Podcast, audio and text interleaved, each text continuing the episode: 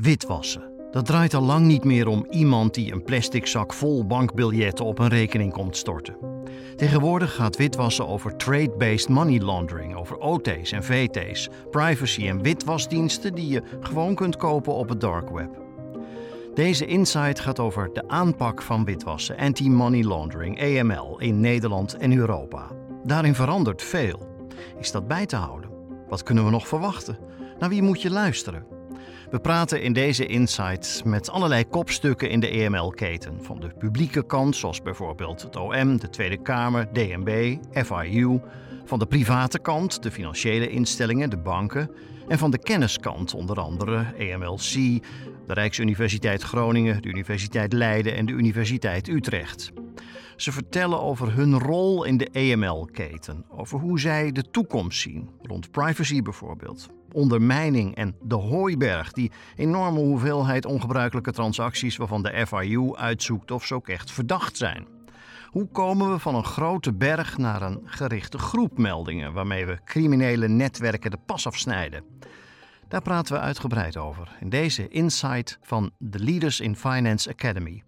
In zes afleveringen nemen we je mee op een tour door het hele landschap, met alle relevante meningen uitgediept. In deze aflevering willen we je laten nadenken over de poortwachters.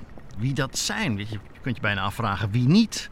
Professionals zoals advocaten, notarissen, accountants, bankmedewerkers, die zijn zich er natuurlijk al van bewust dat zij die poortwachterstaak hebben. Maar wie dan nog meer? Zometeen in deze aflevering het verhaal over nou, zomaar een verkoper in een horlogewinkel die ook een beetje de taak van poortwachter krijgt.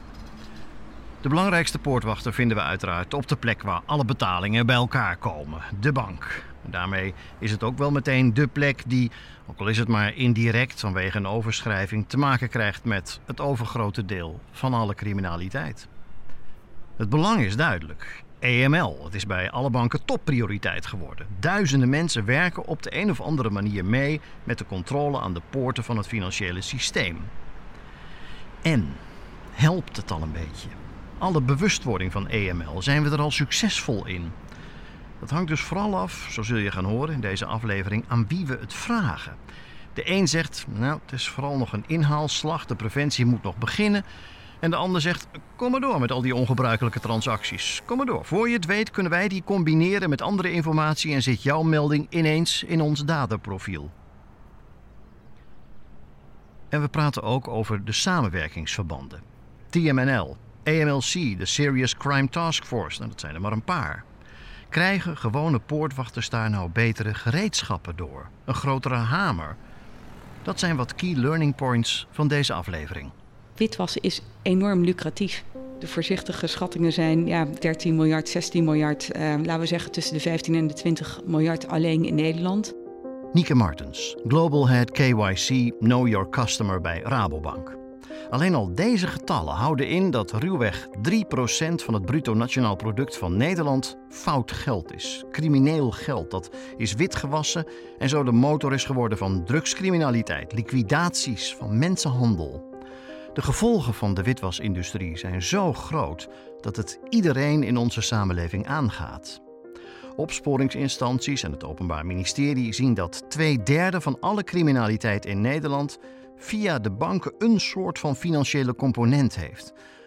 Dus als banken deze slag verliezen, dan leveren wij de samenleving uit aan criminele netwerken die de opsporingsdiensten keer op keer het nakijken geven. Want in de witwasaanpak spelen banken een van de belangrijkste rollen. Zo'n 8000 mensen, ruim 1 op de 10 bankmedewerkers, hebben op de een of andere manier te maken met die strijd tegen witwassen.